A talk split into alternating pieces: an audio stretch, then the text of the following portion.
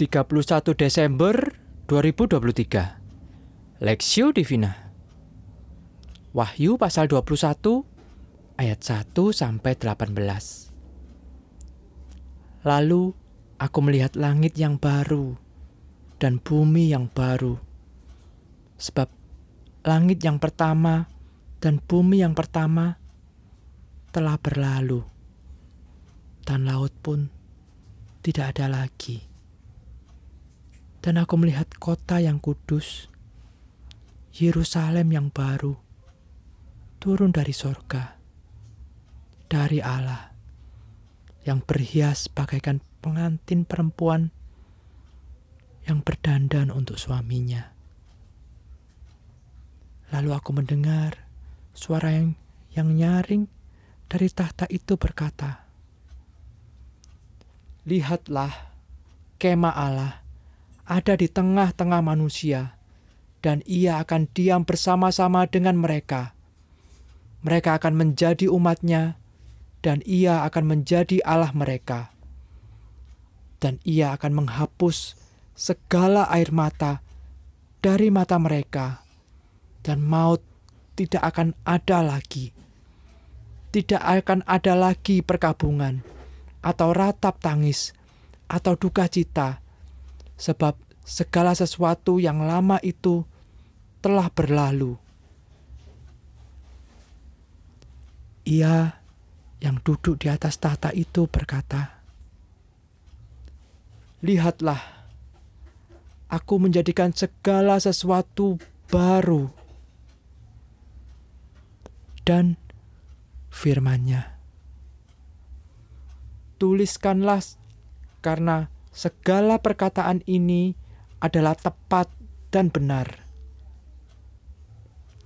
Firmanya lagi kepadaku.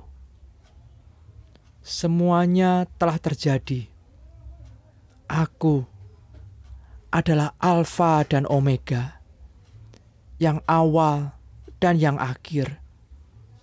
Orang yang haus akan kuberi minum dengan cuma-cuma dari mata air kehidupan. Barang siapa menang, ia akan memperoleh semuanya ini. Dan aku akan menjadi Allahnya, dan ia akan menjadi anakku.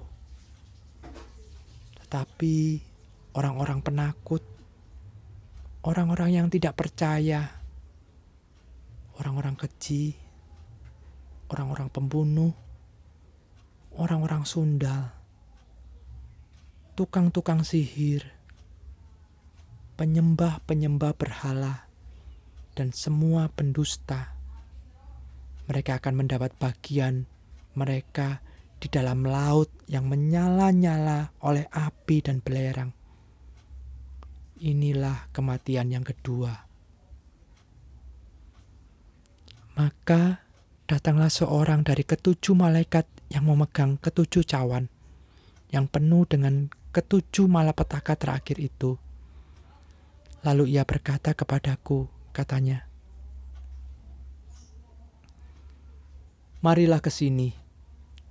Aku akan menunjukkan kepadamu pengantin perempuan mempelai anak domba. Lalu di dalam roh ia membawa aku ke atas sebuah gunung yang besar, lagi tinggi, dan ia menunjukkan kepadaku kota yang kudus itu, Yerusalem, turun dari sorga, dari Allah. Kota itu penuh dengan kemuliaan Allah, dan cahayanya sama seperti permata yang paling indah, bagaikan permata yaspis, jernih seperti kristal, dan temboknya besar lagi tinggi, dan pintu gerbangnya dua belas buah. Dan di atas pintu-pintu gerbang itu ada dua belas malaikat, dan di atasnya tertulis nama kedua belas suku Israel.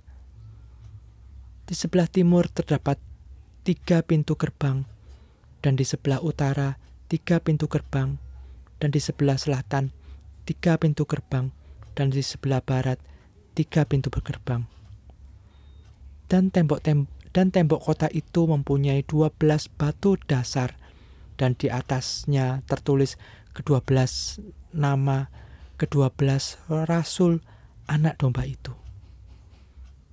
Dan ia yang berkata-kata berkata-kata dengan aku mempunyai suatu tongkat pengukur dari emas untuk mengukur kota itu serta pintu-pintu gerbangnya dan temboknya. Kota itu berbentuk empat persegi, panjangnya sama dengan lebarnya, dan ia mengukur kota itu dengan tongkat itu. 12.000 stadia, panjangnya dan lebarnya dan tingginya sama. Lalu ia mengukur temboknya 144 hasta menurut ukuran manusia, yang adalah juga ukuran malaikat. Tembok itu terbuat dari permata yaspis, dan kota itu sendiri dari emas tulen, bagaikan kaca murni.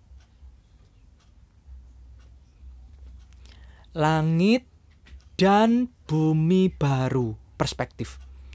Dan maut tidak akan ada lagi, tidak akan ada lagi perkabungan atau ratap tangis atau duka cita, sebab segala sesuatu yang lama itu telah berlalu Wahyu pasal 21 ayat 4. Dunia yang kita tinggali bukanlah dunia yang ideal. Dunia ini telah terdistorsi, terdistorsi dosa, sehingga muncul kejahatan dalam berbagai bentuk. Tak jarang kejahatan itu sangat menyakitkan.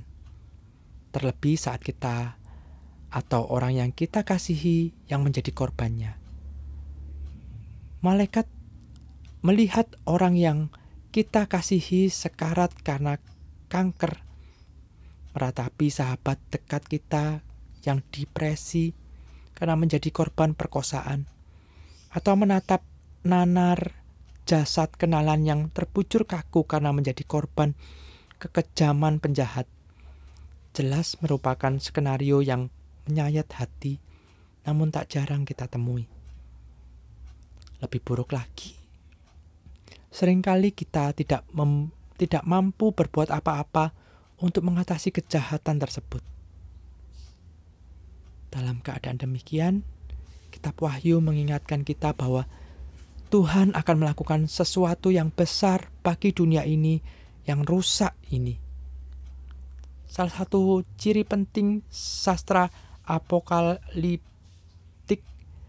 seperti halnya kitab Wahyu adalah adanya pertempuran antara yang jahat dan yang baik. Walaupun keadaan terlihat membingungkan pada awalnya, sastra ini menjamin bahwa kebaikan pasti akan menang pada akhirnya. Inilah besar utama kitab Wahyu. Pada akhirnya, Allah akan mengalahkan setiap kejahatan dan merestorasi dunia yang rusak ini. Ia tidak akan menghancurkan dunia dan membawa kita pergi sorga. Kita pergi sorga. Melainkan membawa sorga turun ke bumi ini untuk tinggal bersama-sama dengan kita. Saat itu terjadi, kita Wahyu mencatat bahwa segala duka, maut, dan air mata akan dihapuskan. Yang ada hanyalah sukacita bersama dengan Allah. Bagian ini mengingatkan kita dua hal penting. Pertama, dunia memang rusak dan penuh kejahatan, tetapi kerusakan ini tidak akan berlangsung selamanya. Ada waktunya Allah akan membenarkan setiap hal yang salah dan rusak. Yang jahat dihukum dan kasih serta kebenaran akan ditegakkan. Kedua, Meski di masa depan Allah akan memulihkan keadaan dunia secara total, kita diundang Allah untuk mulai menghadirkan pembaruan itu pada saat ini dan di sini. Caranya dengan menunjukkan cercahan pemulihan itu melalui kas, kisah kasih dan hidup kita kepada sesama. Studi pribadi Bagaimanakah janji pemulihan Allah memberi penghiburan pada Anda? Pokok doa, doakan agar anak-anak Allah terus setia dan bertekun dalam menanti janji pemulihan Allah dinyatakan.